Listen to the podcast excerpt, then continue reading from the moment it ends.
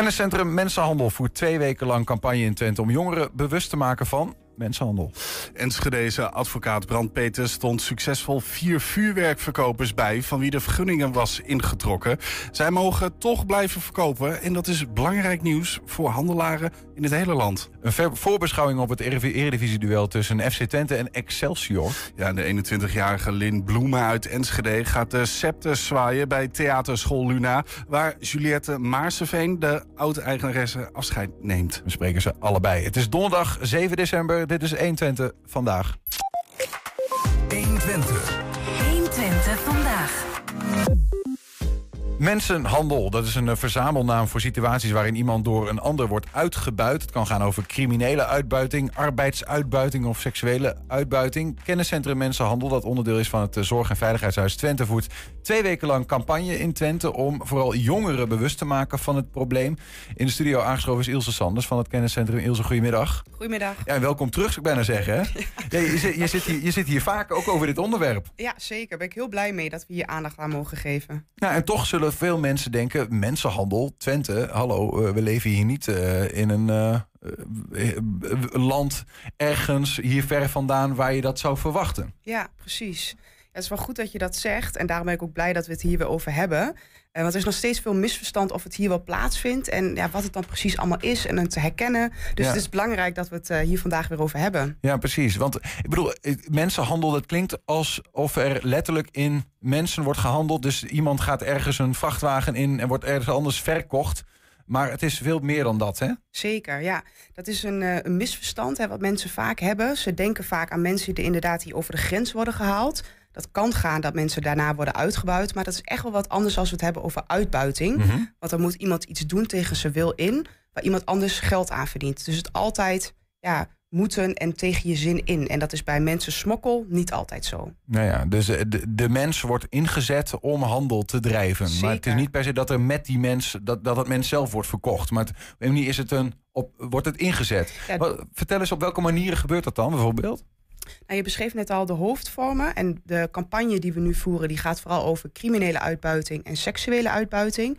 En hierbij kan je bijvoorbeeld denken aan dat uh, mensen worden gevraagd om een pakketje rond te brengen, wat ook ons filmpje over gaat. Mm. Uh, meestal weet je niet wat er in het pakketje zit. Maar als we het echt over mensenhandel hebben, dan gaat het vaak over drugs, geld of wapens. En dan gaat het eigenlijk altijd over dat een mensenhandelaar daaraan verdient, terwijl jij dat pakketje rondbrengt. Ja, ja.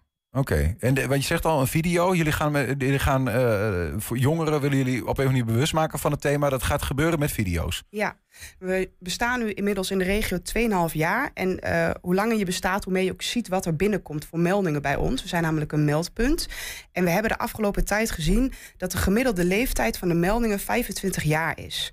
En als je nou aan de voorkant wil komen van die problematiek, en daarmee bedoel ik niet alleen helpen als iemand dat overkomt, maar ook aan de voorkant komen om iemand weerbaar te maken om het te voorkomen. Mhm. Dat betekent dus dat je voor die leeftijd moet gaan zitten. En daarom hebben we nu een publiekscampagne gericht op 12 tot 23-jarigen. Ja, onzichtbaar maar waarheden. Dat zal ook wel iets zeggen over uh, nee, de inhoud. Maar we hebben een, een, een voorbeeld van zo'n video die jullie de wereld in uh, gaan, gaan slingen om even een beeld te krijgen. Oh, ja. Wil jij dit pakketje voor mij wegbrengen? Het maakt dan niet uit wat erin zit. Doe het gewoon.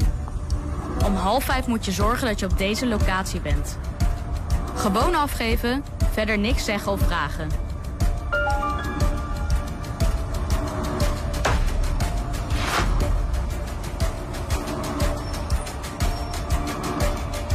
Ja. Ik zou dan zeggen, ja, um, uh, doe ik niet. Mm -hmm. Of, of is het zo simpel niet? Nee, zo simpel is het zeker niet. En ik zei het net even, hè, best wel snel, maar onze doelgroep die, waar we nu op richten begint vanaf 12 jaar. En ik hoor misschien sommige luisteraars wel denken 12. Ja? Hè, dat zijn kinderen. Uh, maar als je kijkt naar uh, landelijk onderzoek, en die onderzoeken worden steeds vaker gedaan, dan zie je dat kinderen op de basisschoolleeftijd al worden geronseld voor dit soort mensonterende praktijken. Dus het begint echt als kinderen al. Uh, en Waar je vroeger zag dat de kinderen vooral werden ingezet, bijvoorbeeld als spotter, hè, als er een drugsdeal plaatsvond, zie je nu dat het veel verder gaat. Dus dat ze zelf ook al pakketjes rondbrengen. Ja, ja. Waarom gebeurt dat eigenlijk? Hè? Waarom doet een, een, iemand die geld wil verdienen aan het uh, afleveren van een pakketje dat niet zelf? Ja, nou, ehm, het is illegaal natuurlijk wat er gebeurt. Dus het is makkelijker als je niet gepakt wil worden door de politie om iemand anders het te laten doen. Dus er zit altijd een verdiendcomponent achter. Ehm, wat, wat misschien interessanter is, waarom eh, gaat iemand hierin mee? Hè? Waarom zou je dat pakketje rondbrengen? Mhm. En het is goed om bewust te zijn dat. Misschien kennen we allemaal wel iemand. Misschien heb je zelf kinderen. Of je hebt een buurmeisje of een neefje van die leeftijd. En je wil er graag bij horen. Je wil ook die coole nieuwe sneakers. En iemand biedt jou aan. Jij, wil jij makkelijk geld verdienen? En misschien ga je er eerst wel vrijwillig in mee. Maar als je het één keer hebt gedaan en je hebt die stoere sneakers aan. Dan komen ze terug. En dan ga je er eigenlijk steeds verder in mee. En dan lukt het vaak niet om daar zelf weer uit te komen. Ja, ja, ja. Ja, valt er iets te zeggen over, eh, want hey, dat meldpunt bestaat nu 2,5 jaar, zeg je. Ehm, eh, valt er iets te zeggen over slachtoffers, over het karakter of een profiel daarvan? Of zeg je van het kan iedereen eh, gebeuren? Ja, nou zeker dat laatste. Het kan iedereen gebeuren. Waar wij ons zorgen over maken is... ehm, wij hebben naar de cijfers van afgelopen jaar gekeken. Toen hebben we 126 meldingen uit Twente gehad. En dat betekent 126 jongeren die vastzaten in een mensenhandel. Nou, van die meldingen was 40% minderjarig. Dus dat geeft wel aan dat van onze meldingen die wij binnenkrijgen... echt een heel groot deel onder de 18 is. Eh, dus daar maken we ons zorgen over. Dat Wat ons- betekent een melding? Wat is een melding? Eh, wij zijn ehm, op de werkdagen bereikbaar. En iedereen, dat kan een professional zijn, maar ook een bezorgde eh, buurvrouw of een slachtoffer zelf, Hm. mag ons bellen met een hulpvraag. Ja, ja, ja. En- ja. Dus dat kan zijn dat je vermoedt dat iemand anders wordt uitgebuit. Of misschien ben je zelf al in een situatie beland. Dan eh, weet dat je altijd bij ons terecht kan. Maar goed, in ieder geval een groot deel, zeg jij, van die 126 meldingen eh, eh, was van minderjarigen. Ja, of over klopt. minderjarigen. Dat klopt, ja. Dus die, die doelgroep die is extra kwetsbaar. Extra kwetsbaar, ja. Of wordt veel gezien. Dat kan natuurlijk ook. Hè. Dus de meldingen gaan ook vaak over iemand anders. Eh, maar dat is echt inderdaad een kwetsbare doelgroep. Ja. Wat je net mooi zei is, iedereen kan inderdaad eh, slachtoffer worden. Maar er zijn wel factoren waardoor je misschien extra kwetsbaar bent. Zoals minderjarig zijn. Ja, ja. En verder nog? Zijn er nog andere pro- profiel, karakterschetsen die eh, iets zeggen over mogelijke slachtoffers? Die, of mensen die kunnen slachtoffer worden, vooral? Ja. Nou, je kan je misschien voorstellen als je bijvoorbeeld hoge schulden hebt... dat je dan misschien makkelijker te chanteren bent om het geld te verdienen. Dat zal bij jongeren over het algemeen hopelijk nog niet zo heel veel Hoop voorkomen. ik niet, bij jongeren niet. Nee, eh, je ziet bijvoorbeeld ook mensen die bijvoorbeeld licht verstandelijk beperkt zijn... of het gevoel hebben dat ze alleen zijn omdat ze gepest eh, worden... en ergens bij willen horen. Ja. Dus er zijn eigenlijk verschillende eh, ja, factoren die meespelen. Maar goed, 126 meldingen vind ik best heel veel Ja. in, in, in, in die, al die tijd eh, Nee, dat in je één bestaat. jaar. In één jaar. Ja. Eh, maar kun jij iets zeggen, of ja, ik weet niet of dat bekend Ja, want sommige dingen zijn er niet bekend zijn. Maar is er iets te zeggen over hoeveel dit voorkomt in, eh, in Twente? Nee, wij spreken eigenlijk altijd van het topje van de ijsberg. Hè. De campagnenaam zegt het al. Ja. ja, onzichtbaar, maar waar. Dus het grootste deel van de problematiek zien we nog niet, helaas. En daarom is het ook zo belangrijk eh, dat we dit allemaal gaan herkennen. Dus ik zou ook stiekem wel een oproepje willen doen aan alle luisteraars om de filmpjes die we op onze social media kanalen hebben staan van Mensenhandel, eh Kenniscentrum Mensenhandel Twente, zoveel mogelijk te delen. Want ook al herkent de luisteraar misschien nog niet in zijn of haar omgeving, je kan echt iemand helpen door dit filmpje te delen. Ja. ja, en toch, jullie zitten er middenin. 2,5 jaar een, een, een meldpunt, 126 meldingen in één jaar. Ik kan me Mhm. Ja. ook voorstellen dat je wel iets kunt zeggen over eh, of het nou meer of minder is dan mensen in het algemeen verwachten of zo, weet je wel? Ik denk zeker meer. Ik denk eh, als ik over het algemeen spreek over het werk dat wij doen en eh, toch wel helaas de schijnende gevallen die we in Twente zien, zijn mensen toch wel vaak verbaasd dat het hier onder onze neus gebeurt. Dat we waarschijnlijk allemaal wel iemand kennen die hier ja, slachtoffer van zou kunnen zijn. Heb je andere voorbeelden? Want kijk, dit is een, een sprekend voorbeeld. Hè? Op de telefoon eh, sturen, eh, nou ja, stuur een pakketje en, en mensen moeten dat doen. Maar zijn er andere concrete voorbeelden te noemen? Nou, tipje van de sluier van de, eh, het filmpje wat volgende week komt, dat gaat over seksuele uitbuiting. En daarbij wordt eigenlijk een, een, een jonge dame onder druk gezet om een schuld van iemand anders af te lossen door met iemand naar bed te gaan. Dus dat is ook een voorbeeld wat we zien. Om een schuld van iemand anders af te lossen? Ja. Oké, Dus het zit altijd, dat financiële karakter, dat zit er altijd eh, wel bij in. ja, ja, ja. Nou ja, goed. eh, En je hebt dan eh, zo'n campagne. Mhm. Maar goed, uiteindelijk moet er nog wel wat gebeuren. Ja. Ehm, eh, kijk, waar, waar begint de oplossing eigenlijk? Bij, bij buitenstaanders, bij die mensen zelf? Want de daders zullen dat mogelijk zelfs niet doen, waarschijnlijk. Ik denk dat de oplossing in heel veel dingen zit. Uh, wat lastig is, is dat slachtoffers zich vaak niet herkennen als slachtoffer en misschien ook wel zich schamen. Dus daar wil ik ook zeggen, mocht je hier nou in aanraking zijn gekomen of heb je het misschien in het begin wel eerst vrijwillig gedaan, je hoeft je niet te schamen, je bent niet alleen. De meldingen komen bijna altijd van mensen in hun omgeving die denken: ik heb een onderbuikgevoel, er is een situatie gaande, ik weet niet precies wat het is. Ik ga eens met kenniscentrum Mensenhandel bellen en dan gaan wij met je meedenken wat er aan de hand is en hoe iemand daar dan weer uit kan komen en naar een veilige plek gaat um, ja, waar iemand wel weer uh, oké is. Ja. Maar die veiligheid, dat is denk ik wel een dingetje toch? Want ik, deze mensen die dit soort uh, trucjes uithalen, zijn denk ik uh, nou ja, niet de, de, niet de uh, liefste mensen op aarde. Nee. Um, en dat zal ook de twijfel zijn voor slachtoffers om te zeggen: ga ik hier iets van zeggen? Want voor hetzelfde geld heb ik uh, straks een probleem. Ja, ik snap die overweging heel goed. Hè? Want aan de ene kant word je misschien wel bedreigd, of uh, je wordt verleid, of je denkt dat je verliefd bent, misschien wel waarom je bepaalde dingen doet. En aan de andere kant als je niet aan de bel trekt, dan zien wij dat het heel lastig is om daar zelf uit te komen. Hm. Dus als je een doorbraak wil creëren in die lastige situatie waar je in zit, vraag om hulp. En als je niet ons durft te bellen, ga naar iemand op school die je vertrouwt, of een tante, of een buurvrouw, of je ouders. Maar neem alsjeblieft iemand in vertrouwen. Hoe werkt het als, als uh, jullie een melding krijgen? Wat, wat doen jullie dan eigenlijk? Wat kunnen jullie dan doen op zo'n moment? Ja, ik zeg altijd dat wij drie verschillende petten op kunnen zetten.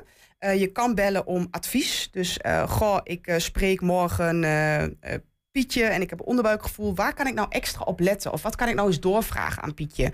Dan kunnen we tips geven. wat wij vaak doen is um, als iemand al ja, een zorgpartij betrokken is of een gemeente betrokken is, dat wij lokaal aansluiten. Dus dan gaan we in overleg om een gezamenlijk plan op te stellen. en het kan zijn dat wij ja, even een lastig woord, procesmanagement op ons nemen. En dat betekent dat we met verschillende partijen een plan gaan maken om iemand zo goed mogelijk te helpen. En dat is niet alleen kijken naar het slachtoffer, maar ook kijken naar de dader. Want je kan wel elke keer het slachtoffer uit de situatie halen. Maar die dader, precies wat jij zegt, die verschrikkelijke hè, mensen, mensenhandelaren, die wil je ook aanpakken. Ja, ja. Ja. Nou ja, goed. En je, je moet uiteindelijk wel um, uh, op een of andere manier uh, erachter komen of die jongeren ook echt uh, slachtoffer zijn. Hè? Want iemand heeft een onderbuikgevoel, hoor ik je zeggen. Eigenlijk ja. begint dan een buitenstaande die of die toevallig een appje ziet of wat dan ook. En dan denk je, ja, waar gaat het eigenlijk over? Ja. En dan moet je ja, hoe werkt dat dan? Ja. Dat je erachter komt of het ook echt aan de hand is? Ja, ik denk dat wij uh, elkaar durven aan te spreken. Uh, kijk, als we het hebben over onderbuikgevoelens, misschien is het ook goed om dat te zeggen. Bijvoorbeeld, jouw kind krijgt een bepaald hoeveelheid zakgeld, maar komt wel opeens met dure spullen thuis. Hoe komt diegene eraan? Hmm. Uh, gaan we ervan uit dat dat dan wordt geleend van vriendjes? Of vragen we dan door? Goh, hoe kom je daar aan? Hoe zit het met het geld? Dus ik denk, durven vragen. Ben je oké? Okay? Hoe kom je daar aan? Hoe gaat het? Dat het daarmee begint. En niet aannemen van het zal zo of zo gaan. Of bang zijn dat je iemand misschien beledigt. Gewoon de open vraag stellen. Ja. Of ons bellen en dat wij met tips komen wat je zou kunnen doen. Ja, om erachter te komen of het inderdaad aan de hand is. En dan ja. kunnen jullie ook nog, uh, nog extra hulp uh, bieden. Zeker. Um, nou ja, ik, ik, ben ook wel benieuwd, want dit is wel een probleem, denk ik, dat samenhangt, lijkt mij, maar dat is echt psychologie van de koude grond, maar met telefoons. En uh, weet je, het is makkelijker om mensen onder druk te zetten in deze tijd via ja. appjes. Uh, je hebt beelden van iemand, je weet ik veel wat allemaal. Ja. Is het ook, ik weet niet of jullie dat weten, maar is dat ook een probleem dat groeit met, met, met dit soort digitale middelen? Ja, ik vind dat voor Twente lastig om te zeggen, omdat ik natuurlijk die. Hè, we niet kunnen meten van voor ons bestaan. Maar ik herken helemaal wat je zegt wat we wel eens terugkrijgen van ouders. Vroeger namen je vriendjes mee naar school en wisten je ouders met wie je omging. Tegenwoordig hebben wij geen zicht meer wat er allemaal op het internet gebeurt, op alle apps. Uh, en inderdaad, wat je zegt, is uh, jongeren uh, experimenteren hun seksualiteit ook online. Dus ze gaan helaas ook vaak naaktfoto's rond. Soms ook helaas met gezicht, hè, herkenbaar met gezicht. Dat maakt je wel extra chantabel ja, om daarna ja. weer dingen te moeten doen. Ja, ja en dan kom je, als je één stap in de verkeerde richting zet, uh, ja. zit je al gauw uh, vast in dat ja, drijfzand. En misschien dan schaamte om toch aan de bel te trekken. Want je, ja. Ja. Nou, dankjewel Ilse. Het is wel handig om, om dat in ieder geval te weten, waar we alert op moeten zijn. En uh, blijkbaar ook in, in Twente, mensenhandel. Ja, en, ook in Twente. Nee, jullie meldpunten, hoe kunnen we die bereiken? Uh, we zijn goed vindbaar op onze website, uh, mensenhandeltwente.nl. En daar staan ook onze social media kanalen en ons telefoonnummer. Dus uh, neem gerust contact op. Ja, en de komende weken dus uh, video's van jullie over, met voorbeelden eigenlijk over hoe dat uh, in zijn werk gaat om ja. bewustwording te creëren. Ja. Uh, dankjewel, succes met de campagne. Heel erg bedankt. Heb je een tip voor onze redactie? Laat het ons even weten. Uh, dat kan via een mail bijvoorbeeld. Uh, redactie.120.nl Zometeen Enschede's advocaat Brand Peters stond succesvol vier vuurwerkverkopers bij... van wie de vergunning was ingetrokken. Zij mogen toch blijven verkopen. En dat is belangrijk nieuws voor handelaren in het hele land. 120. 120 vandaag. Ja, de oliebollenkraam van Jacqueline Brunselaar is al decennia lang een begrip in Enschede. Haar vader begon hem jaren geleden en zij zet het familiebedrijf na zijn overlijden voort. Het gaat goed en daar wordt ze dan ook voor beloond. RTV Oost ging langs bij haar gouden kraam. Het is niet alleen werk, het is ook gewoon een lifestyle. Uh, en het is gewoon elke dag met plezier naar je werk gaan. Mijn vader en moeder die zijn daar uh, mee begonnen. Hoeveel jaren geleden precies, dat weet ik niet. Maar hier op het uh, winkelcentrum staan we al 42 jaar dit jaar met de oliebollenkraam. En daar ben ik natuurlijk helemaal in mee opgegroeid. De oliebol is met de paplepel ingegoten. Ik en mijn zus, wij waren altijd ook heel erg goed in het leren. En onze ouders hebben ons ook altijd wel eens gestimuleerd om verder te gaan leren. Maar wij wisten dat, dat we dit ook gewoon wouden doen. Dus vandaar dat we niet verder gaan zijn studeren. Want dat hoef je gelukkig niet voor oliebollen. Maar dat we meteen verder gaan zijn gegaan in het vak. Okay. Fijne middag, tot ziens. Wat betekent deze kraam dan voor jou? Heel veel. Vooral emotioneel natuurlijk. omdat mijn vader inmiddels overleden is. En dit was natuurlijk ook altijd zijn trots en zijn pareltje. De oliebollen, zijn werk, zijn, zijn leven. En uh, dat ik nou die scepter mag overnemen, daar ben ik wel heel erg trots op. En ik weet zeker dat hij daar ook super trots op is natuurlijk. En wie gaat hem vasthouden? Allemaal samen? Nou. Alsjeblieft. We gaan gewoon opnieuw voor 42 jaar. voor de volgende 42 jaar tegemoet. Wilt u pin of contant? Oh, moet ik met de rollator in de kraam staan? Jij was daar gisteren, hè? Ik? Oh nee, wacht even. Jij hebt ik... een artikel geschreven. Onze collega was daar gisteren. Ik, ik ben, ben helemaal niet geweest. Ik ben ontzettend benieuwd hoe ze Noem je me nou dik? Um, ja, zo kun je hem ook opvatten, ja. 120. Jouw woorden. 120 vandaag. Een succes is het voor de Enschedeze advocaat Brand Peters. De rechter bepaalde dat vier vuurwerkhandelaren die, nou ja, die bijgestonden werden tegen gemeente Schiedam, drie uh, onder zijn uh, vleugels. Die vuurwerkhandelaren die mogen gewoon een vuurwerk blijven verkopen. Dat is niet alleen goed nieuws voor die vuurwerkverkopers daar. Want volgens de advocaat keken ook andere gemeenten met argusogen naar die zaak. Dit is mijn uitspraak en daar moet het mee doen. Rechtspraak met Damstee Advocaten. Brand, goedemiddag. Goedemiddag. Um, ja, gefeliciteerd met je winst. Dankjewel. Uh, klopt dat een beetje? Uh, is die zaak veel belangrijker misschien wel dan alleen maar voor die verkopers in Schiedam? Nou ja, uh, vooropgesteld is het in ieder geval voor deze verkopers heel belangrijk. En um, kijk, Schiedam was een van de 16 gemeenten in Nederland die een afsteekverbod in de gemeente heeft opgenomen. Um, dus niemand mag daar op het grondgebied van de gemeente Schiedam vuurwerk afsteken. En um, dat afsteekverbod uh, betekent natuurlijk niet dat je dan ook geen vuurwerk mag verkopen. Uh, alleen dat wilde de gemeente Schiedam, wilde die verkoop wel verbieden. Ja, ja, precies. En, en dat is niet gelukt, uh, blijkt nu uit deze uitspraak. En ik weet zeker dat andere gemeenten hiernaar hebben gekeken. Of dit mogelijk of niet mogelijk is. Ja, ja want da daar begon het. Hè? Maar twee jaar geleden ja. Um, zo even verder over praten. Ik ben ook wel benieuwd in een wat breder opzicht. Hè. Vuurwerk komt er natuurlijk weer aan. Uh, nou ja, het staat wat onder druk. Zegt al, in sommige gemeenten is er een afsteekverbod, dat soort dingen. Hoe zit dat eigenlijk nu? Ja. Maar toch even eerst naar die zaak in, uh, in Schiedam. Daar was dus een afsteekverbod ja, voor vuurwerk. Daar gold sinds uh, 2021, of 2020, ik meen 2021 een, een afsteekverbod. En dat had de gemeente opgenomen in de, in de APV, dus de Algemene Plaatselijke Verordening. Dat zijn eigenlijk de regels per uh, gemeente. En um, parallel aan dat afsteekverbod heeft de gemeente ook um, de verkoopvergunningen uh, van de ondernemers um, uh, ingetrokken. En misschien om, om, die, om die vergunningen een beetje in een kader te plaatsen, is het misschien wel, wel goed om te beginnen, ook voor de luisteraars, om, om een beetje bij te blijven, hoe dat nou werkt eh, nationaal, welke, hoe die regels nou gelden. En, en die regels die zijn eh, allemaal vastgelegd in, het- in het vuurwerkbesluit in, in Nederland. Daar zijn alle, alle Nederlandse vuurwerkregels opgenomen. En ehm, eigenlijk volgt uit dat, uit dat vuurwerkbesluit volgen allerlei eh, veiligheidseisen. Dus bijvoorbeeld dat je, eh, ja, wat je moet doen voor opslag. eh, ja, overal waar je moet voldoen voor veiligheid. Ook bijvoorbeeld dat je als, als ondernemer een, een aansteeklont en een, veiligheidsbril moet meegeven. Ehm, en eigenlijk volgt uit dat vuurwerkbesluit, dat is namelijk cruciaal voor deze zaak, dat je als je aan al die eisen voldoet, dat je dan in principe vuurwerk mag verkopen. Dat is het uitgangspunt. Alleen, wat mag je nou als gemeente doen? Mag je in jouw APV, mag je daar ook een vergunningstelsel voor in het leven roepen? Dat is wat ook heel veel gemeenten doen. Dat had ook hier de gemeente Schiedam gedaan. Dat doen ook Twentse gemeenten bijvoorbeeld.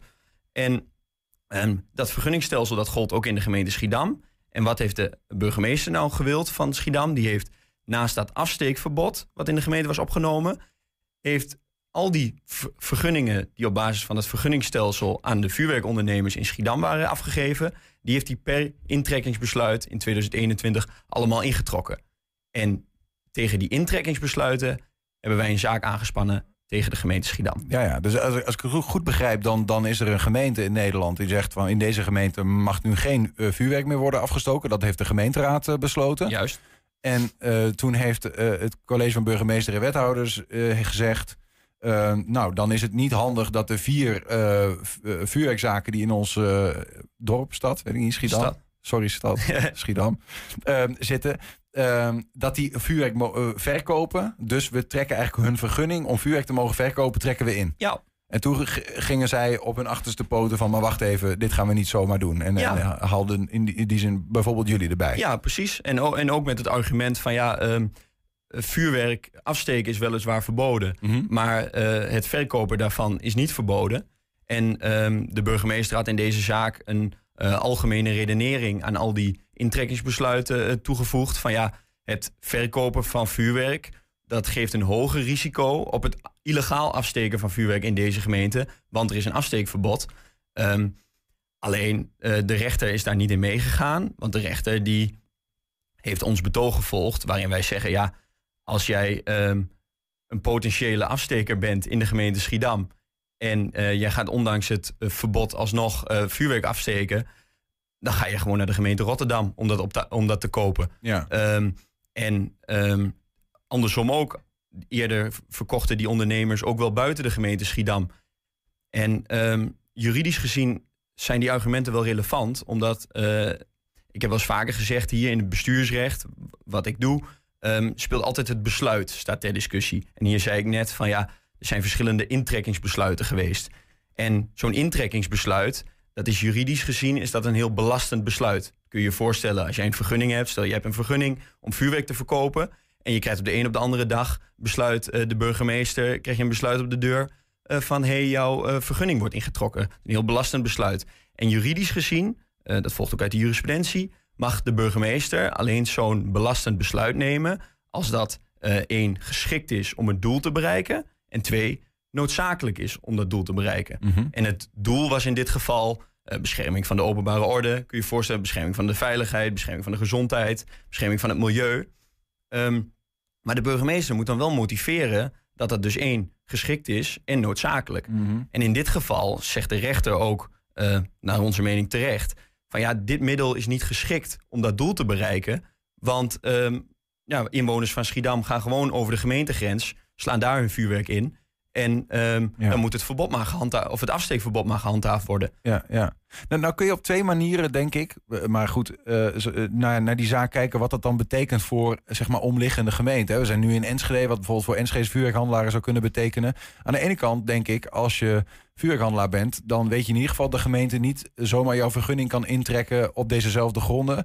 Omdat je dan weet, nou ja, dan gaat de rechter zeggen, omdat hij dat hier ook heeft gezegd. Ja, ik kan ook naar eh Hengelo, ik weet niet hoe het hier zit, maar ik kan ook naar Hengelo of naar, Ja. naar, naar Duitsland bewijzen van. Ehm, aan de andere kant, ik weet niet, is dat zo trouwens? Werkt dat een beetje zo? Ja, eh, van, van Enschede naar Hengelo zou dat dezelfde redenering zijn als eh, van de, de redenering die de rechter hier gebruikt van Schiedam naar Rotterdam. Ehm, Duitsland niet, want er geldt natuurlijk een heel ander nationaal stelsel. Mhm. En dit is beoordeeld op grond van het nationale stelsel. Ehm, dus dat, dat zal niet zo zijn. Alleen die redenering volgt wel ook hier in de Twentse gemeente. Ja, maar goed, tegelijkertijd is dat misschien ook wel koren op de molen voor eh, de anti-vuurwerkenlobby. Om te zeggen, ja, zie je wel, we moeten dit landelijk met elkaar eh, gaan regelen. Dat een, een, laat ik zeggen, een verkoopverbod juist sneller dichterbij komt. Nou, kijk, ehm, dat vuurwerkbesluit, daar zitten allerlei hele strenge eisen om als verkoper vuurwerk te, verko- te kunnen verkopen. Allerlei hele strenge eisen. Dat vuurwerkbesluit dat is in het leven geroepen ehm, na de vuurwerkramp. En ehm, al die strenge eisen, die zouden ervoor moeten zorgen dat je als ver- vuurwerkverkoper, als je aan die eisen voldoet, eh, dat jij veilig vuurwerk mag verkopen. Ehm, daarmee wordt ook aannemelijk geacht dat als je aan die eisen voldoet, dat je dan veilig vuurwerk kan verkopen. Ehm, en als advocaat en ook als ondernemer moet je erop kunnen vertrouwen dat zolang jij voldoet aan die regels, de nationale regels, dat je dan veilig vuurwerk zou moeten kunnen verkopen. Ja, ja. Dus op dit moment hebben we het met deze regels te doen en kun je als gemeente niet zomaar een verkoopverbod in het leven roepen. Ja. Of zomaar ehm, al die besluiten intrekken. Kan het ook eh, eh, nog op een andere manier? Want in dit geval eh, was het de burgemeester die blijkbaar nou ja, een, een, een autoriteit nam die hij op dat gebied niet had volgens Ja. de rechter. Ja. Ehm, eh, kan het nog op een andere manier dat in een gemeente toch ook een. Want een afsteekverbod kan blijkbaar. Hè, dat zien we al in gemeenten in Nederland. Een verkoopverbod kan dat. Nou, kijk, ehm, hier speelde inderdaad dat, dat de burgemeester eh, dat buiten zijn boekje is gegaan, z- laat ik het zo zeggen. Kijk, een andere optie zou kunnen zijn dat een gemeenteraad eh, probeert om dat in de APV eh, op te nemen. Alleen ehm, de vraag is of dat zomaar kan, omdat eh, de gemeentelijke APV die kan, die mag niet in strijd zijn met het vuurwerkbesluit. Ja. En op grond van het vuurwerkbesluit ehm, kun je op grond van allerlei voorwaarden, als je daaraan voldoet, eh, moet je vuurwerk kunnen verkopen. En mits je dan zo'n vergunning krijgt in een gemeente die een vergunningsstelsel in het leven heeft geroepen. En als jij als gemeente in de APV opneemt eh, dat je voor de hele gemeente geen vuurwerkverkoop meer toestaat. eh, ik vraag me af of dat kan. Ja, ja, En dat ja. speelde dan in deze zaak niet. Nee. Maar ik vraag me, eh, vraag me wel af of dat kan. Dus ja, als er, als er iets geregeld moet, kunnen, moet worden voor de verkoop van vuurwerk, dan zal dat landelijk geregeld moeten worden. Ja, ja. En dat is, dat is nu dan ook waar de, waar de bal ligt als het gaat om verkoop. Ja, en dat is, een, en dat is, dan, een- die, dat is dan een politieke bal. Ja, ja precies. En ja. eh, wij moeten het doen met de regels die er nu zijn. ja, ja. En ja, de rechter heeft nu uitgemaakt dat dit binnen de gemeente niet zo kan. Goed, als we dan even wat breder trekken. Hè? Dus verkoop, ehm, ja, dat zal waarschijnlijk een, een landelijke zaak zijn van de, de landelijke politiek. eh, omdat dat ook met het vuurwerkbesluit te maken heeft. Ja. Ehm, maar het afsteken van vuurwerk, eh, Schiedam is een van die gemeenten. Hoe, hoeveel, eh, hoeveel gemeenten zijn er die een totaal afsteekverbod hebben? Er zijn 16 gemeenten die een totaal afsteekverbod hebben. En ehm, ja, dat zijn vooral westelijke gemeenten en in het midden van het land. Ehm, ik, ik, zag, ik heb er net nog even naar gekeken en ik zag dat hier in Twente zijn er eh, geen gemeenten die een eh, algeheel afsteekverbod hebben. De dichtstbijzijnde gemeente vanaf hier is volgens mij Zutphen.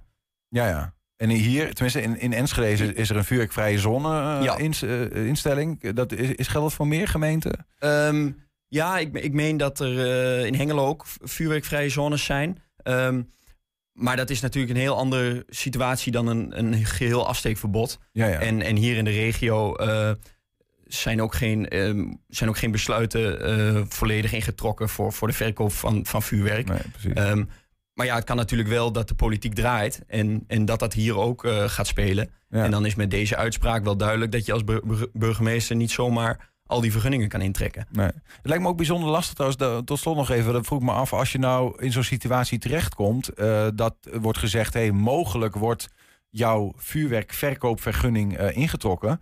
Dan zou je ook wel tot drie tellen voordat je vuurwerk inkoopt, toch? Want Ja. hetzelfde heb je vuurwerk ingekocht en mag je niet meer verkopen. Ja, nee, maar dat speelde uiteraard ook, eh, ook in deze zaak. Want het is nu, ja, het is rondom de jaarwisseling. We, we hebben het erover, het is bijna 2024. En eh, die intrekkingsbesluiten die dateerden al van 2021. Ehm, dus dat is net, toen hebben we de jaarwisseling gehad rondom corona. Dus toen mochten, eh, was er sowieso een, een verkoopverbod landelijk. Dus dat mocht landelijk wel. Ehm, en toen kregen deze ondernemers te horen van ja, vanaf eh, de jaarwisseling 2022 mogen jullie geen vuurwerk verkopen. Dus dat was al vorig jaar. Ehm, dus toen is al in begin 2022 hebben wij deze zaak al aangespannen. Maar ja, iedereen is op de hoogte van de, van de overbelaste rechtspraak. Hm. Dus er is heel lang geen zitting geweest. Ja, en toen werd het op een gegeven moment eh, werd het herfst eh, 2022. En eh, deze ondernemers zaten met hun inkoop. Eh, dus toen hebben wij ehm, de voorzieningenrechter van de rechtbank Rotterdam, waar dit speelde, hebben wij gevraagd van ja, ehm, kun jij een tijdelijke maatregel treffen? En dat is dan een, eh, ja, dat is een soort kort geding, maar dan in het, in het bestuursrecht. Om in ieder geval die intrekkingsbesluiten voorlopig te schorsen. Dus, dus dat die even geen werking hebben. Totdat de rechtbank uiteindelijk in de hoofdzaak uitspraak doet. En dat is dus vorige maand gebeurd. Ehm, en en die, die zaak hebben we toen ook gewonnen. Maar daar is toen geen inhoudelijke behandeling van geweest. Maar toen heeft de rechter gewoon gezegd... ja, dit is een ingewikkeld verhaal. eh, ik ga me hier niet aan branden. Maar, maar gezien het financiële belang van deze ondernemers... schors ik voorlopig ehm, die intrekkingsbesluiten. Mogen de ondernemers eh, gewoon vuurwerk verkopen. Dat was afgelopen jaar. En dan is het wachten totdat de rechtbank uiteindelijk uitspraak doet. Dus nu was het wachten totdat de rechtbank uitspraak deed... en een, een, een finaal oordeel geeft. En dat is dus nu gebeurd. Ja. Dus nu mogen ze alsnog eh, permanent vuurwerk blijven verkopen. Ja, of, of er moet weer iemand in beroep gaan. Kan dat nog? Ja, er, er kan nog hoger beroep worden ingesteld door de burgemeester. Ja, nou, dat is afwachten. In ieder geval voor nu, eh, ja, die, die, die vier ondernemers... waarvan eh, jij de drie hebt bijgestaan in Schiedam... die eh, vuurwerk mogen blijven verkopen. Nou ja, en daarmee is de rest van het land, vuurwerkhandelaren... heel iets, nou ja, hebben ze heel iets meer zekerheid. Maar goed, de, de toekomst moet leren wat de politiek allemaal... knoppen er nog gedraaid gaan worden. Maar dat balletje ligt gelukkig niet bij mij. Ja, snap ik. Voor, zeker voor zo'n brandbaar onderwerp als dit. Eh, nou ja, what's in the name, Brand Peters, dankjewel. We zijn ook als podcast te beluisteren via alle bekende platforms. Je vindt daar hele uitzendingen en elke dag één item uitgelicht. 120. 120 vandaag. Ja, speelronde 15 in de Eredivisie gaat vanavond al van start. FC Twente komt morgen in actie. In de laatste thuiswedstrijd van 2023 neemt de ploeg van Jozef Oosting het op tegen Excelsior. Dit weekend de laatste thuis eh, van 2023. Nu wil je natuurlijk altijd winnen, maar ehm, is dat iets eh, waar jullie nog even speciaal bij nadenken van? Ja, afscheid nemen van het publiek voor dit jaar? Nou, we we hebben daar niet over gehad dat dit eh, ja, de laatste wedstrijd is of wat dan ook. Wij proberen dat gewoon eh, in perspectief te zien. Met andere woorden van uiteindelijk, ja, eh, het is eh, een wedstrijd. We, de maand december hebben we dat genoemd. Ehm, eh, ja, kijk je natuurlijk van wedstrijd naar wedstrijd. Eh, en maar ja, goed, uiteindelijk als dit de laatste wedstrijd is voor, eh, voor, voor dit jaar... dan is dat zo. En eh, wij willen graag dat eh, heel goed eh, en goed afsluiten. Die maand december eh, begon goed. Is dat ook. ehm, gingen jullie die anders in doordat de maand november wat minder goed verliep? Of misschien wat minder naar wens verliep? Nou, uiteindelijk, wij proberen altijd eh, bepaalde thema's mee te geven voor een, eh, voor een maand. Of eh, ja, ook als je het hebt over een bepaalde gameplan, probeer je dat een titel te geven. Dus ja, in dit geval was het de maand december is kerst met elkaar samen. Dus zo moet je het zien. Het is niet zo dat we nou denken van oké, we hebben een mindere maand gehad. Hè, want daar doe je dus op. Hè. Dus dat we een paar keer met tien man hebben gespeeld. Dat we niet alles hebben gewonnen. Maar ik kan je ook een nieuwtje vertellen, gaan we ook niet doen. Dat we alle wedstrijden winnen. Maar uiteindelijk eh, is het wel zo dat wij proberen gewoon eh, aan te haken. En uiteindelijk dan hebben we maand december, is het pakjesavond, kunnen we pakjes uitpakken nou, enzovoort enzovoort. Is, is dat dan wat je, wat je zegt van die thema kerst met elkaar zijn? Ehm, hangen daar dan ook nog, is dat ook nog heel specifiek tot iets toe te spitsen van wat daar dan bij hoort voor jullie? Wedstrijden winnen. Heel duidelijk, heel helder, ja. Heel mooi eh, in die wedstrijd, denk ik. Het eerste doelpunt eh, voor eh, Younes Taha. Ja, kan ik zeggen, hoe belangrijk is dat voor hem? Want dat is een redelijk open deur. Maar ehm, hoe reageerde hij daarop daarna? Hij was emotioneel, want uiteindelijk... eh, eh, ja, dat was natuurlijk zijn eerste goal. En eh, ja, ook voor zijn oma. Dus, dus hij was emotioneel. En uiteindelijk mooi voor hem, maar ook mooi voor het, voor het team en voor de club. Want ehm, het is een jongen die, heb jij wel eens gezegd, van die heeft nog even eh, wat tijd nodig. Waar zit hij wat dat betreft nu? Is dat een beetje, ja, kun je dat een beetje omschrijven? Voor hem zit het erin eh, eh, stabiel worden in, hetgeen, in, in zijn uitvoering, in trainingen en ook in wedstrijden. Dat, daar zit hem in. Hij is nog een jonge speler, dus hij eh, moet dit jaar gebruiken om stabiel te worden. En eh, zoals nu is het mooi dat hij, eh, hij valt in en dan kan hij een rol van betekenis spelen door een hele mooie goal. Ehm, en voor hem is het zaak om zijn jeugdigheid... Ehm, ehm, ja, om die... laat ik zo zeggen dat hij hele mooie en goede wedstrijden speelt... en wat mindere wedstrijden, dat dat in het midden blijft. Merk jij ook op trainingen dat hij daarin al stappen maakt? Ja.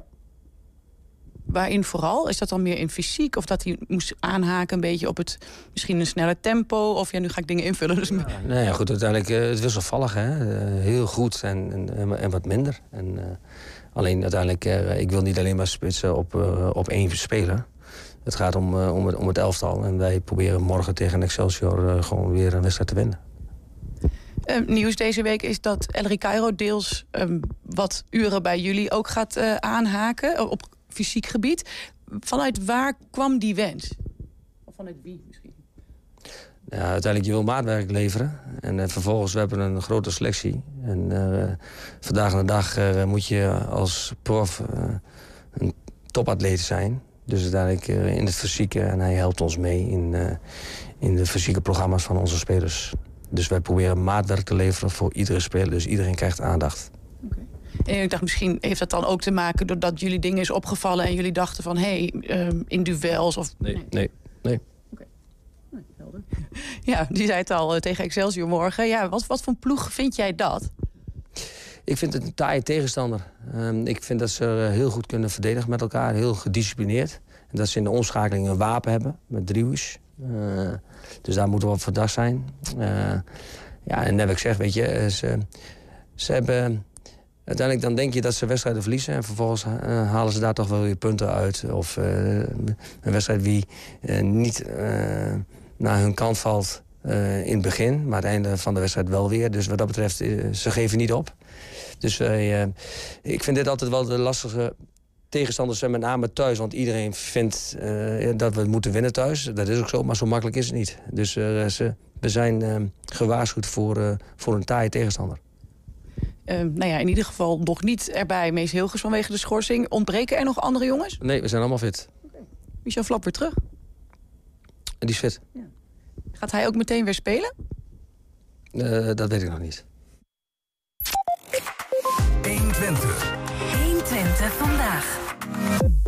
Ja, leerling wordt directeur. Het gebeurde bij theaterschool Luna met locaties in heel Twente. Eerder vandaag spraken we erover. 25 jaar geleden begon de Bornse Juliette Marsevee met lesgeven in het theater. Dat beviel zo goed dat ze in 2005 begon met theaterschool Luna. Maar nu, 18 jaar later, gaat het er roer om. Ze draagt haar school vanaf het nieuwe jaar over aan een van haar leerlingen. En dat is Lin Bloemen uit Enschede. Beiden zijn bij ons. Welkom. Hi. Hi. Docent, En, docent en protégé, zou ik maar zeggen. Of niet, uh, Juliette? Ja, nee. Voelt dat zo? Uh, nee, nee, nee, beslist oh, niet. Nee, want zij is echt heel goed. Dus daar ben ik niet bang voor. Oké, ja, ja, ja.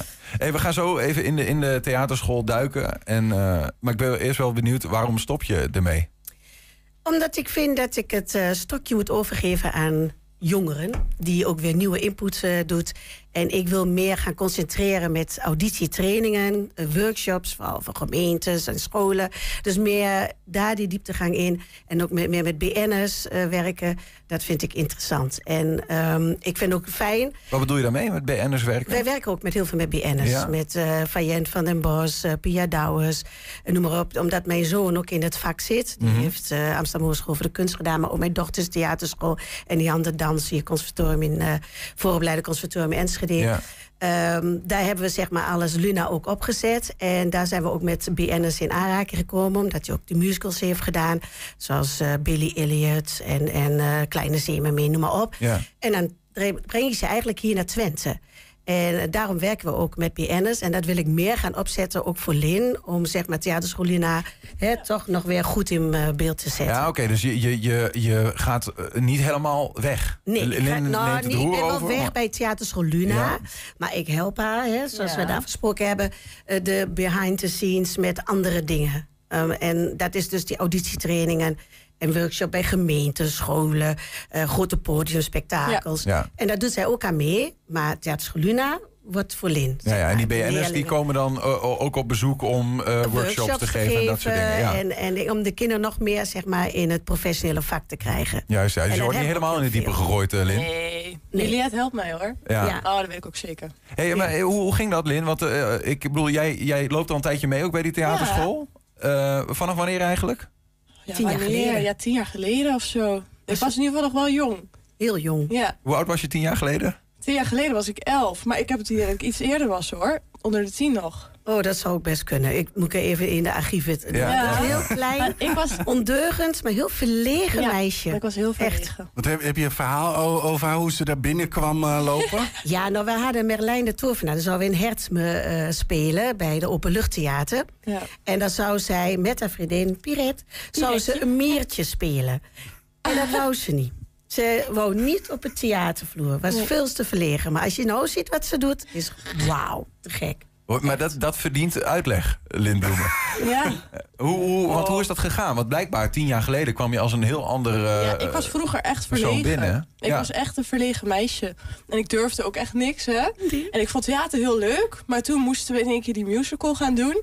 En ik en mijn vriendinnetje, die waren daar samen opgekomen. En ik dacht echt, nee, dat durfde, ik durfde echt niet. Maar dat, dat voelt voor mij als een, ehm, een paradox, zoals wij dat noemen. Hè? Dus je vond theater heel leuk, maar je was Ja. heel verlegen. Ja. Dat gaat niet helemaal samen Nee, in mijn was- hoofd. Hoe kan dat dan? Ja, ik weet het niet. Maar dat is met de jaren natuurlijk al veel minder geworden. Ja. Ook trainingen, denk ik. Ja, dat denk ik En ook. nou speelt ze als boom, als eh, hoofdrol. eh, alles Ja. kun je nu voorstellen. Ja, van links tot rechts gaan. Ja, vorig jaar hadden we ook Lunatic, hè? Ja, Lunatic En had toen ze was daar ik ook even heel veel van mannen en zo. Ja, en ik had Beb lippenstift tot hier. En we, hebben, we Ja. hebben ook een foto van jou. eh, Oh, die, kijk, die, die daar is zien hij we al. hier. Ja, ja, Ja, ja. ja, ja. ja.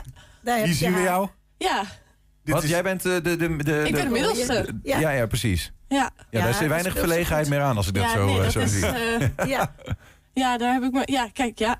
kijk die emoties ook. En in het begin wel echt een miertje en nu weer dit. Ja, Ja. geweldig. Ja, wat, vertel, wat, wat, wat maakt voor jou dan, Lin? Want je, blijkbaar loop je al, al tien of meer dan tien jaar eh, mee. Ja. Je kwam ooit als een meisje dat echt wel wat anders eh, was dan, dan nu blijkbaar. Ja.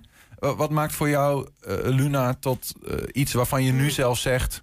ik wil het stokje wel overnemen? Luna is echt een familie, vind ik. Het is echt... eh, ja, iedereen die helpt elkaar. Je bent gezellig met elkaar. Ook die, de musicaldagen, Ja. die zijn echt heel gezellig. We hebben heel veel eten en zo. Dat is ook Luna, hè? Heel veel eten. Nee, het is daar echt heel gezellig. En je komt echt in een fijne groep terecht. Want wat is het? Gewoon- Het is een theaterschool, Ja. vooral voor, voor jonge mensen, denk ja. ik. Ja, maar ook Vertel eens. tieners. Tieners, ja. Ja. Nee, we zijn maar tot 21 jaar. Ja. En eh, ja, we leiden ze echt wel op in het vak. Maar ook de samenhorigheid, maar ook wie ben jij? Ja. Dus we gaan iets dieper dan dat. Ik heb ook 28 jaar bij jeugdzorg zitten, assistent pedagogisch medewerker. Heb ik ook dramapet, pedagogisch educatieve theatervorming opgezet.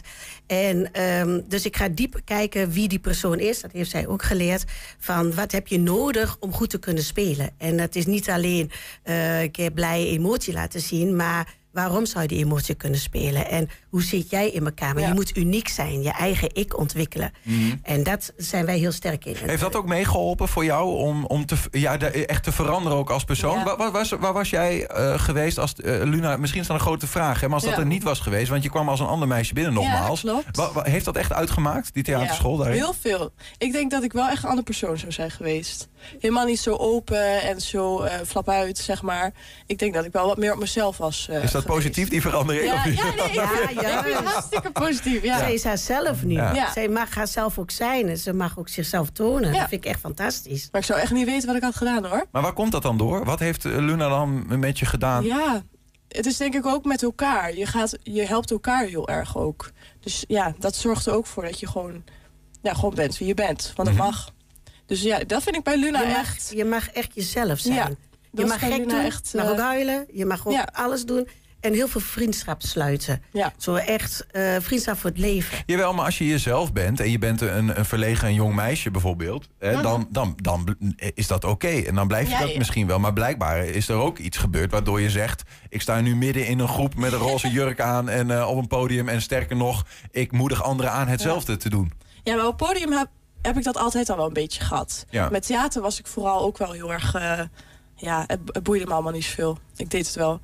En dat had ik al wel, maar ja, dat is natuurlijk veel meer uitvergroot. Want ja, vroeger ging ik ook altijd zingen al voor op en oma en zo. Zat ik midden op de tafel. Dus ik hield dan wel van dat, weet je wel. Dat vond ik wel leuk. Maar ik was gewoon zelfs als kind was ik gewoon wel wat terughoudender, Ja, ja. zeg maar. Ja. Maar misschien was ik dat niet per se, maar dat deed ik gewoon. Ja, precies. Maar als je op het podium stond, dan ging er blijkbaar een andere Luna of een andere Lin. Ja, dat is ook nog eens. Lin en Luna lijken een beetje op elkaar. ja, hè? dat klopt. Theaterschool Lin kan het ook. eh, nee. Ja. Ja. Ja. Ja, mag. Eh, Juliette, eh, ehm, even terug in de tijd. Hè. Ehm, 18 jaar geleden ongeveer, toen begon het. Ehm, wat, wat maakte dat jij dacht van, ik moet zoiets gaan opstarten? Nou, ik heb eerst ehm, zeg maar bij Concordia lesgegeven en in het Vestzaktheater. Ook samen met Dieter Harrison toen opgezet. Toen liep dat storm. En met Vestzaktheater, die bepaalde de dingetjes, zeg maar, wat ik mocht doen. Zoals decor en kostuum. En ik had zoiets van, dat kan beter. En toen had ik gezegd, van, dan ga ik toch beginnen met een eigen theaterschool. En al het budget, en ik heb veel zoveel budget er ook in gestopt... in kostuums en decor. En wij pakken het echt uit. En ehm, het is eh, echt met eh, kostuums die we zelf allemaal maken. Met mooie materialen, eh, mooie decors. Altijd in grote theaters met vijfman techniek. En ik wil de belevenis van elke leerling, zeg maar, die met Theater Lunar is, echt de belevenis van het theater in algemeen geven. Ja, ja. En daar sta jij ook voor, dat weet ik. Ja. En daarvoor is Lin ook een hele goede Dat opvolger. is, eh, dat is een uniek ding van, van Luna. Ja. Maar ik kan me ook voorstellen dat dat wel wat eh Ja. kosten met zich meebrengt. En, en een voorstelling kan heel veel bij ons kosten, ja. Ja. Maar betekent dat ook iets voor leerlingen die bij jullie zitten? Dat ze wel nou, wat zij meebrengen? heeft eigenlijk mazzel, als ik dat mag zeggen, toch? dat zij alle spullen krijgt. Ja. Ja. Dus eh, de kostuums, de decor, alles, aanhangen, noem maar op, is Ja, allemaal dus nu dat voor heb Lin. ik al. Dus Ja, ja. als zij nu ook als, eh, beg- nou niet beginnen, starten zeg maar, begint met theaterschool, dan heeft zij eigenlijk alle dingen eromheen, wat misschien niet voor een ander waarde heeft, maar wel voor de theaterwaarde Ja. heeft, Ja. heeft zij dus nu in handbereik. Dus zij kan doorzetten. Ja, precies. Door Maar ook, ook de, de, de leerlingen die bij jullie komen, Ja. eh, jonge mensen, allemaal, eh, ja. die, die, eh, ja, die, die zitten erbij, tuurlijk. Ehm, alleen, de- kost het, is het ook wat duurder om bij Luna dan les te krijgen? Nee. Vraag ik me af. Nee. Omdat je, dan, omdat je zo uitpakt. Nee, wij, wij hebben wel gezegd de lessen staat centraal en de voorstelling. Ja. En soms ook twee voorstellingen. En voor de rest, de omheen, wat we allemaal nog doen aan workshops en zo, dat staat los van Luna, zeg maar. Ja. Maar het Theaterschool Luna, hè, daar staat eh, met kostuums, decor. En wij willen echt, de voorstelling is top. Ik Ja. hoor echt hele goede reacties, toch? Ja, maar ook Met- gewoon over de kostuums inderdaad. Ja. Want dat zie je ook niet vaak bij theaterscholen. Nee, Dat er echt kostuums bij zijn en decor. Eigen muziek. En, eigen muziek, eigen teksten. Dus alles eh krijgt ze van ons, zeg maar. Ook eigen teksten die je zo overal kunt Ja. spelen, zelfs landelijk. We hebben ook landelijke eh, stukken zoals Zwavelstokje. Heeft niemand nog, zoals wij dat geschreven hebben, met onze eigen muziekstukken. Hm. En die zijn echt prachtig. Maar die, Ja. die maak je zelf. Die maak ik, ik, die, ik arrangeer ze niet. Dat doet eh, Joris Hoorstede, wat ik al zei. Een jongen die ons ook eh, bij ons zijn- is geweest. Die heeft ook conservatorium gedaan. Hier in Enschede is met cum laude geslaagd. Zit nu in Amerika. Die maakt bijvoorbeeld de muziek. Er zijn Ja. nog een paar meer die de muziek maken. Maar goed, die En stukken die zijn helemaal van die zijn Luna. van Luna. Ja. Ja. Dus die krijgen ze ook. En dat is uniek. Want Ja, het is niet zomaar dat je ergens koopt of zo. Nee, precies. Maar, en die kun je dan, Lin, eh, eh, zo af en toe weer uit de kast halen... om Ja, te zeggen, precies, hey, we ja. gaan dit spelen. Want werkt het zo? Mensen, kinderen komen, eh, komen bij, je bij de theaterschool... en je zegt, er staat één eh, eh, uitvoering op de horizon... en we gaan ervoor repeteren. Ehm, ja, ja, eerste half jaar werken we naar een open dag hè, Ja. meestal. Maar nu is dat een beetje een voorstelling en een afscheid voor jullie. Ja, dat heet ook Follow Your Dreams. Ja, dus, dus dat, dat is een haar beetje- droom. Beetje de overdracht Ja. is dat, zeg maar. Ja. En we hebben altijd in juni of eind mei hebben we echt de voorstelling. Dat is Schouwburg in Hengelo. Ja, maar we nog niet zeggen. Nee, maar dat is nog geheim. Ja. Ja, maar maken we altijd helemaal een geheimpje van. hè? Ja, moet ook audities voor doen. Voor Het is al gezegd, hè? We zijn live, hè? Ja. Oh, Oké. Ja, maar, maar nog niet wel. We hebben nog niet gezegd Nog niet wel. Oh, Nee, wel. nee, toch? Nee, Nee, toch? Ja, dus Ja. dat doen we dan in, vanaf januari. Dan gaan we helemaal repeteren, eh, zingen, dansen, alles Ja, erop en ja. eraan. Ja. Juliette, wat, wat maakt nou dat jij dacht... ik ga, ik ga de, de, de boel aan de wil gangen, dat weten we al. Hè? Je wilde iets, iets anders gaan doen, Nou overdracht. ja, het is maar niet dat, wat anders, iets meer in een andere... nee, maar precies, maar wat maakt dat, dat, dat je dacht... Lin is de juiste persoon? Nou ja, sowieso. eh, Lin is een, een van mijn favorieten. Ik heb er nog eh, twee die ook me altijd helpen. Die hebben me Ja. ook altijd geholpen met lesgeven en dat soort dingen. En eh, ja, hoe kom jij er ergens bij? Jij zei een keer van, Ja. ik zou zo graag... Ik weet echt niet zelf niet eens hoe dat gegaan Nee, is. het ging heel soepel, hè? Ja, Ja, het was gewoon... Ik was aan de Pabo begonnen en ik denk, nee, dat is niks voor mij. En toen kwam ik van, ja, wat wil ik wel eigenlijk heel graag, weet je wel? En ik kwam er wel achter dat ik kinderen echt geweldig vind. Ja. En ook het lesgeven daarvan. Maar niet op een bijvoorbeeld een basisschoolmanier of iets in die richting. En theater heb ik eigenlijk altijd heel erg leuk gevonden. Ja. Ook opleidingen gevolgd. Ja, ja podiumacademie. Ja, hè? dus ja. in die zin... eh, Ja, en toen liep ik ook al stage bij Juliette. Ben ik stagiair geweest. En toen kwam ik er ook al achter van, oh, dat vind ik echt heel erg leuk. En ja, toen kwam ik na mijn opleiding, dacht ik, ja, wat wil ik nu gaan doen?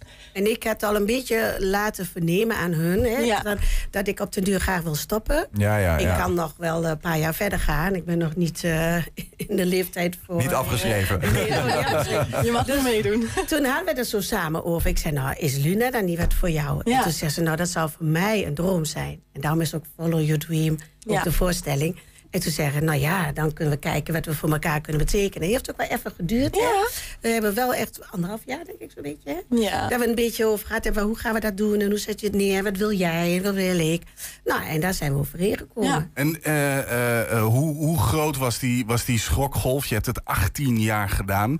Eh, toen je vertelde van eh, eh, het is, nou ja, het is niet zo, maar het is, eh, het is genoeg voor, nou, voor ik nu. heb het eh, toch wel op, wij eigenlijk samen toch wel een leuke manier gedaan. Ik heb haar vanaf september al voor de groepen goed gezet. En ik heb mijzelf al een beetje teruggetrokken door niet eh, te veel les te gaan geven. Dus iets minder in de picture. Dus ik was er wel, ik in de gang of dat ik extra koffie ging drinken of ding. Dat ik Lin echt voor de groepen zet.